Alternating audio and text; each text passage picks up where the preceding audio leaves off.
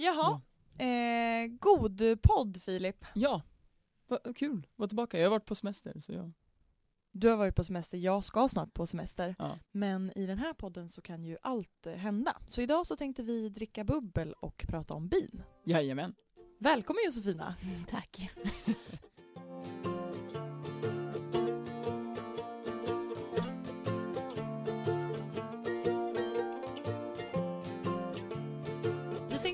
med att eh, hälla upp ett glas bubbel så här 10 en fredag morgon. Och varför Ja. kan vi göra det Filip? Jo, eh, det här är eh, mitt favoritbubbel i hela världen och jag är inte alls opartisk. Eh, det är alltså goda bubblor som det här gäller.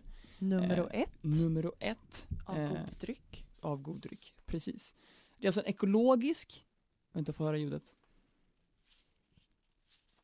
Oh, sådär ja. Det är en ekologisk, eh, alkoholfri eh, dryck. Eh, som säljs på Systemet och på Kajsa Warg bland annat. Eh, och därför kan man ju då såklart dricka den tidigt på Åh. en, Tack. klockan 10 en fredag morgon. Mm, vardagslyx. Ja men precis. Eh, det finns ju alltid någonting att fira och idag firar vi att vi gör en podcast med dig.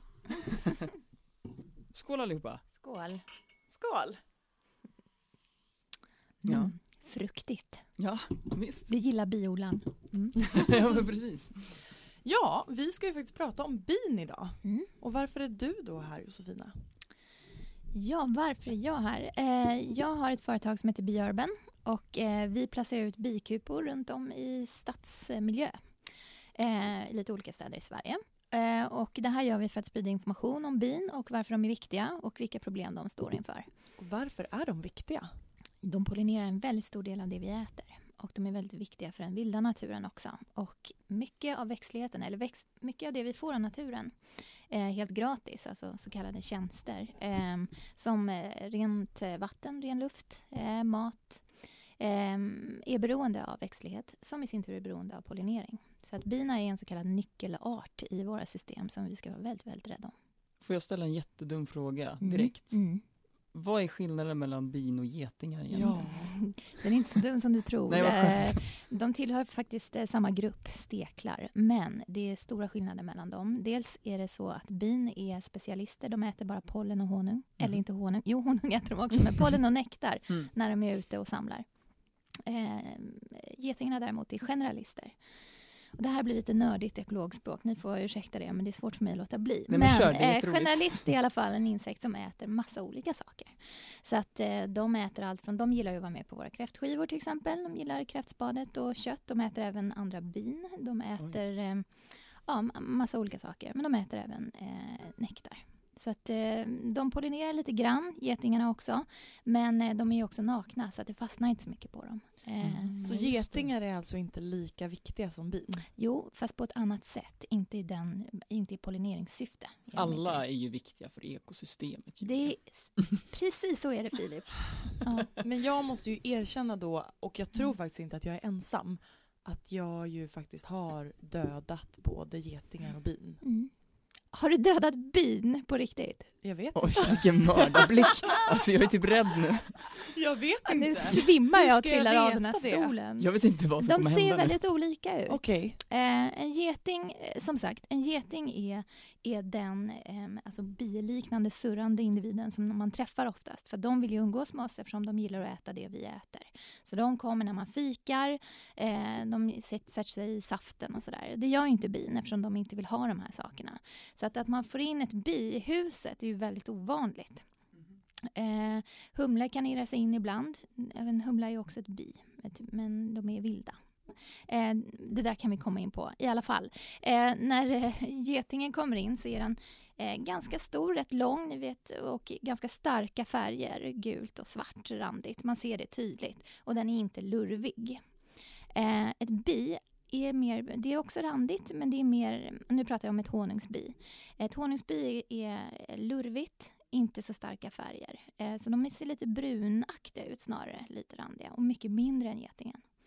Så att, eh, ja, de, de ser man ju sällan. För ni känner inte riktigt igen den här bilden, eller hur? Som jag Mm, beskriver. nej. Nej. det är lite Nej. svårare. Den man Mm. känner igen är väl getingen då Ja. kanske. Den känns ju, getingar Mm. mer aggressiva generellt, Mm. eller är det bara för att de umgås med oss mer? Det är för att de umgås med Ja, oss. och samtidigt den så är det ju så också att eh, getingen dör ju inte när den sticks, men det gör ju bin. För deras Ja, gadd det är bin som fastnar dör. i, i huden. Ja, Just precis. Eh, honungsbin i alla fall. Eh, Okej. och för de har en hulling i gadden som fastnar i huden. Så att det är deras absolut sista utväg. Att sticka någon. Medan getingar de bara kör liksom. Ja, fast det är också jobbigt för dem att stickas. Det tar mycket energi så att de gör inte det i första taget heller. Men eh, känner de sig hotade, vilket de ofta gör då eftersom de flesta vill slå ihjäl dem, så Mm. sticks de. Mm. Jag kan inte förstå att jag berättar det här men en gång har jag kissat i ett jordgetingbo och blev stucken Mm. All over. Mm. Det låter inte roligt Nej det var alls. inte roligt. Nej. Men det var alltså inte bin då. Förlorade du ett Nej, vad? alltså det här är ju ett väldigt bra exempel då. Därför att när vi pratar om bikuper och vi pratar om att sätta ut dem i stan och sådär så blir folk nervösa ibland. Eh, för de har en sinnebild av kalanka som springer till vattnet och hoppar i eh, för att undkomma den här svärmen då som jagar Ja. honom. Eh, men det är alltså jordgetingar han springer ifrån. Eh, bin beter sig inte på det sättet, inte i Sverige. Men då tar jag tillbaka att jag har dödat ett bi. Mm. Det tror jag, det tror jag stämmer faktiskt ganska bra. Att Mm. eh, Det är nog lämpligt, för att jag tror inte du har det. Och jag tar också tillbaka att jag har sagt att andra har dödat bin. Mm. Det är bara getingar vi har dödat. Mm. Mm. Vi, ni som grupp. Vi Vi som vi människor. som kollektiv, samhället. Vi på god del. Tyvärr är det ju inte så. Men, eh, men ja, det är bra. Det är bra Julia. Tack. Vad skönt att du är här. Mm. Eh, för jag har, jag har hört ett rykte om Mm. bin. Man Mm. hör väldigt mycket Mm. ibland om sådana här eh, saker. Och eh, då kanske du kan liksom hjälpa mig på, vä- på traven och, om det verkligen stämmer. Mm. Men jag har hört att i, i Kina då, i vissa delar, så är bin helt utrotade. Eh, förmodligen då av, av människan eh, Mm. på olika sätt. Och då har man alltså manuellt varit tvungen att pollinera Mm. växter Mm. och, och blommor. Mm. Alltså människor får gå runt och liksom blomma, eh, liksom pollinera dem Mm. själva. Med små liksom. penslar. Precis. Precis. Mm. Ja. Är Är det, det, jag så det är? det här för dig? Nej men jag har hört det förut. Ja, du kanske har jag berättat har också? också hört det här. Ja, okej. Mm. Men ja, men det är är för det att det är så? sant. Ja, absolut. För det är ett ganska känt Mm. rykte tror jag. Mm. Jag tror många har hört det. Mm. Och I det är så Sichuan-provinsen så är det Ja. så till exempel. Där, eh, där har man ju besprutat så mycket så att de eh, lokala bina har dött. Och det går inte ens att placera ut bikuper som man gör i USA när man turnerar med bin för att pollinera grödorna. Eh, för de klarar sig inte där heller för miljön är för giftig. Mm. Eh, så därför får man pollinera för hand. Och ett bi gör tusen människors jobb på en dag så det är inte särskilt arbets... Det är inte så smart att göra så. Och dyrt. Mycket Mm. dyrt. Ja, förmodligen inte lika dyrt i Kina som det är här tyvärr. Men Mm. alltså, det är inte eh, en smart väg att gå. Men som jag har förstått det så har ni på Be Urban Mm. eh, satt upp bikupor på Mm. hustak bland Mm. annat. Mm. Varför ska vi ha bina i stan? Eh, det har också kommit forskning nu från England där man pratar om att stan är en frizon lite grann för bina. För att eh, här har vi inte jordbruksgifter. Vi har sot, vi har partiklar från avgaser eh, såklart. Men vi har inte de här jordbruksgifterna som de mår sämst av. Sen har vi också en blommande miljö. Det blommar väldigt mycket från start på säsongen till slutet av säsongen. Så att eh, eh de har alltid någonting att äta. Eh, sen får de jobba lite mer än om de står i ett fält men, men jag tror att de är gladare över att det finns mat hela säsongen än att, att de får en jätteinjektion under någon vecka och, och sen har det ganska tufft. Eh, men det är en del av det för bina. Eh, den andra delen som man egentligen kan säga är vårt huvudsyfte det är ju informationsspridning. Vi tror ju att eh, stadsmänniskan, 60% av oss bor i städer nu globalt så att det är ju viktigt att vi vet vad vi har att röra oss med när vi bor i stan. Vi upplever ju inte naturen på samma sätt när vi bor i en asfalterad miljö. Um, och vi ser inte årstiderna riktigt. Vi ser inte riktigt matproduktionsleden. alltså vi ser inte riktigt vad händer hos den här bonden? Eh, kanske blev det en dålig gröda eh, där, därför har vi inte det här och det här. Men det händer ju inte för oss, därför att då importerar vi. Vi ser liksom inte riktigt hur systemet fungerar och hur sårbart det är. Eh, och därför tror vi att det är viktigt att mi- minska det här kunskapsglappet mellan stadsbon och naturen och de tjänster vi är beroende av. Och då är bina ett väldigt bra pedagogiskt verktyg för det. Och hur gör ni det då? Ja, dels så berättar vi om dem. Dels blir det ju en snackis. Mm. Eh, folk pratar om det, vi har synts väldigt mycket i media det har pratats mycket om det och vi föreläser ju då. När man är fadder till en kupa så ingår det också en föreläsning. Det ingår också visningar av kupan. Så de som är faddrar eller kan komma och titta, alltså anställda. Eller eh, barngrupper och sådär. Nu på Lövbergs Lila hade vi det alldeles nyss. Eh, skolor som kom och tittade. Och där är det väldigt roligt därför att det, alla sinnen blir liksom involverade. För det första är det lite spännande, det är lite läskigt, sådär tycker folk. Och oj, oj, oj och sådär. Och sen så, eh, det låter väldigt mycket, det luktar mycket, det är myllrande och så kan man smaka på honungen. Det är liksom en upplevelse för alla sinnen och man är verkligen med i matchen när man är med vid bikupan. Så det, det funkar väldigt bra faktiskt. Hur många stick får du i veckan? Eh, ja, alltså jag är inte vid bikuporna eh, varje vecka nu. Eh, men ehm, jag får inte stick i varje vecka. Alltså, eh, dels har vi skyddsutrustning på oss och man blir väldigt sällan stucken om man inte är nere och tjafsar i kupan liksom, och irriterar dem. Eh, det är en försvarsmekanism de har som är rätt bra att de har. Sen känner de igen oss på lukten. De har väldigt välutvecklade luktsinnen så de vet vem som kommer och hälsar på. Mhm. Ja, jag hade ingen aning. Coolt. För jag har eh, både hört och läst på er hemsida att Mm. ungefär 80% av maten vi äter är Mm. någonstans pollinerad av bin. Mm. Inte riktigt. Eh, så här, eh, det är källan ehm, från EU är att 76 procent av det vi äter är pollinerat av eh, en pollinerande insekt, alltså bin. Okej. Inte bara honungsbin, eh, utan vilda bin är också extremt eh, eh, effektiva pollinatörer. Humlor, de flyger även när det regnar, det gör inte honungsbin, och de är lurvigare.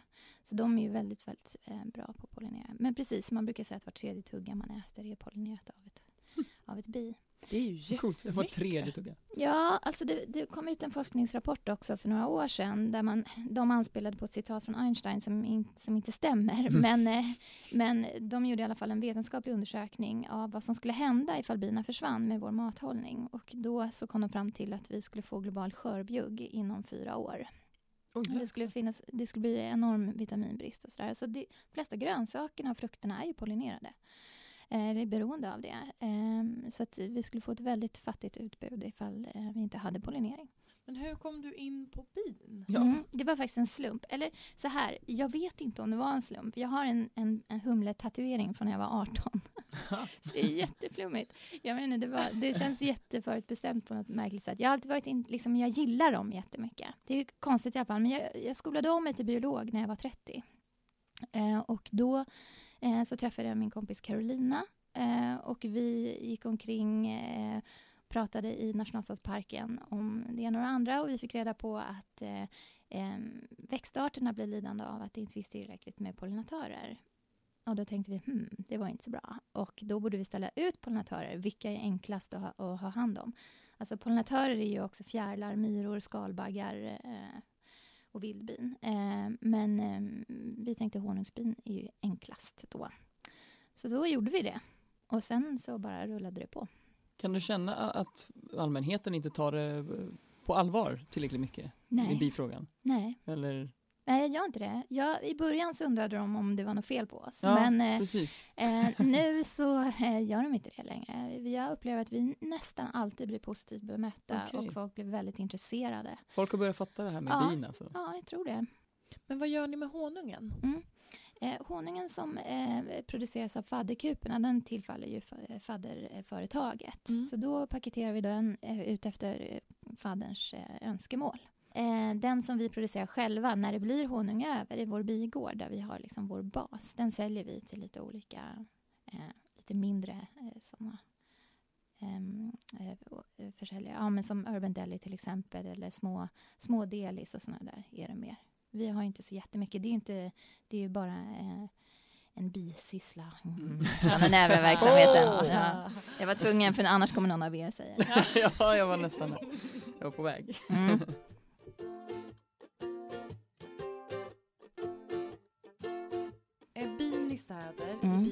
bikupor som Mm. pollinerar, Mm. kan vi göra på något annat sätt? Mm. Och det gör vi också. ehm, till exempel då med trädgårdarna. Det är jätteviktigt att man ser till att det är bra levnadsmiljöerna för de vilda bina också. Och då placerar, till exempel då, man kan göra flera olika saker, men de två faktorerna som är viktigast för dem är ju då dels att det finns mat och sen att det finns boplatser. Så då, alltså, vi gör massa saker för att eh, förstärka ehm, eh, livsmiljöerna för dem, men man kan också som privatperson göra det. Eh, man kan sätta upp insektshotell. Helst inte de här jättemålade, eh, liksom designade, för insekterna är inte benägna att flytta in i dem. Utan ja, det ska vara obehandlat trä, det ska vara liksom lite små muggiga grejer som de gillar. Man kan gärna hålla sin gräsmatta om man har en sån, lite öppen och lite, lite tjafsig på vissa ställen så att det finns eh, jord, mån eh, som är fri från gräs och så, som de sandlevande och jordlevande bina gillar att krypa ner i. Man kan även, om man då också har en, en eh, eh, en liten plätt eh, kan man också se till att det blir ängsblommor. Att man inte klipper gräsmattan kort. Man låter klövern komma upp till exempel. Och sen så att man planterar saker som de gillar, alltså kryddväxter, sånt som doftar mycket och gott och som vi kan äta brukar också vara en bra eh, riktlinje. Så kryddor, eh, bär, eh, sådana saker.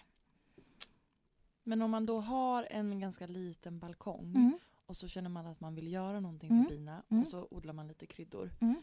Behöver man vara rädd då för att man kommer sitta där på balkongen i bisvärm? Nej, det behöver man inte. Ehm, under en kortare period kan det vara mer intensivt av bin, om honungsbina hittat i till exempel. Mm. Eh, men eh, eh, det går snabbt över. Men alltså, om du har lavendel till exempel, då har du kanske fyra, fem humlor där på, inom fem minuter. Alltså det går så himla fort eh, när de hittar. Eh, de älskar det där liksom. Och humlorna stör ju liksom inte. Eh, och det gör, inte, de? det gör inte honungsbina heller. Men eh, ja. Eh, nej, de bränns inte. De har en gadd. Humlorna. De sticker liksom. Mm. Om, på Alla, samma sätt som... alla sticker. ja. Ingen bits eller bränns. Det är ju ändå någonting som folk tror. Mm. Ja, ja, det har jag också uppfattat. Alltså, de men det känns ju helt folken. orimligt. Ja, de, här, de här andra. Ett humlestick är faktiskt ganska ont. om, man, om man jämför, tycker jag. Ja. Mm. Reta inte humlorna men ge dem gärna mat. Ja. Exakt, lavendel tydligen. Men alltså en humla sticks ju aldrig. Jag, igår hade jag en humla i handen som jag matade. För de, eh, man kan ju se humlor eh, ligga lite grann på, på en grusgång eller sådär ibland. Man ser dem ligga i gräset och bara åh nu dör den, tänker man. Men då är de trötta och de är, har slut på Det energi. Då ska man ge dem socker så, Ja, så att de orkar. jag brukar ge dem lite honung för det har jag ofta med Ja. mig. As you do. Eh, lite honung och lite vatten. Eh, så, så slickar de i sig det där, lilla tungan åker ut direkt, det är jätte, jättefint. Eh, och sen så kan man sätta dem liksom under någon liten, i någon rabatt under ett litet blad sådär, så att de är skyddade om det börjar regna eller så. Så, så repar de sig. Det Ja. finns så mycket man kan göra för att rädda världen. Ja. Jag säga. Men gud, jag vill också rädda en humla. Och det Ja. känns väldigt, väldigt bra. Vad skönt, jag känner mig väldigt hoppfull nu. Mm, Plötsligt. Va, men hur, Ja. hur ser framtiden ut? Det går upp och ner kan man säga. Ja. För mig. Ja. Mm. Men, men så här för bin, har man Mm. börjat vända den här otäcka trenden nu med bin Nej. runt om världen? Nej. Nej. Nej. Men kan vi göra det? Ja, det kan vi. Ja. Eh, men det måste finnas incitament och det måste också finnas ekonomiska styrmedel. Alltså som med de flesta miljöfrågor. Det är klart, alltså som konsument kan du påverka genom att inte välja besprutad mat till exempel. Ehm, och också lobba. Alltså så här, vi, jag, när jag gick i skolan så hade vi en föreläsning av Maria Wetterstrand som sa att ehm, eh, fyra mejl om samma fråga till en politiker anses vara en folkstorm. Alltså för de får nästan inga mejl från medborgare. Alltså folk tror inte att det finns någon poäng med att mejla sina politiker. Men det gör det. Så att eh, om man är ett gäng så bestämmer nu mejlar vi den här personen och ser man ett kompisgäng på kanske tio pers, då har man verkligen gjort en insats. Ehm, så det är bara att köra, mejla. Då har man gjort en riktig insats. De har skapat en folkstorm. Ja, det har man. Vad enkelt det var. Mm, ja. känner jag. Det är väldigt enkelt. Ja. Det är det som är grejen. Det är det. Ehm, Det gäller bara att ta sig i kragen och göra det liksom. Ja, och det tar inte lång tid. Nej. Men om man som privatperson är intresserad av att besöka en sån här kupa, Mm. kan man göra det då? Mm. Vi får rätt mycket eh, förfrågningar om sådana saker och, från skolor och lite allt möjligt sådär. Så att vi tar emot i den mån vi hinner i vår egen bygård. Mm. Eh, men när det är en enskild person sådär, så brukar vi samla ihop ett gäng. Att man väljer ett datum där folk kan komma och titta. Mm. Man är jättevälkommen att göra det. Det är jättekul tycker vi. Superbra att ta med sina, sina kids också och hälsa på oss. Eh, om man inte har ett landställe sådär och komma ut i stora skuggan är jättevackert. Eh, så kan man hälsa på 4H-gården också. Vi har små skyddsdräkter för barn. Mhm. Mm. Kul. Vi har ju inga barn Filip, men jag tänker att du Mm. och jag skulle kunna åka. Och adoptera bin. kanske. Man Ja, men vi kanske bara kan titta lite Ja, men jag tänkte vi kan göra det också. Ja.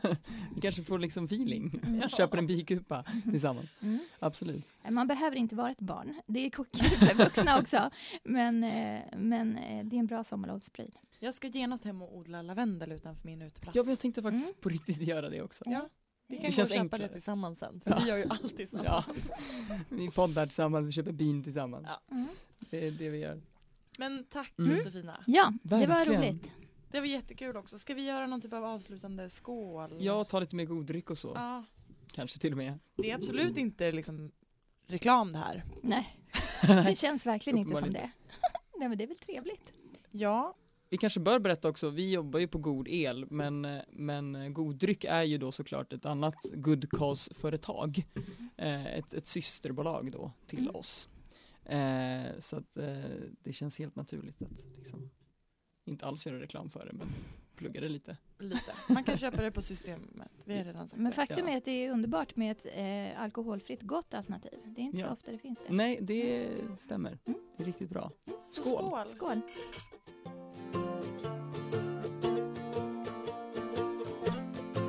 Mm. Det blir bara bättre och bättre också av någon anledning. Jag vet.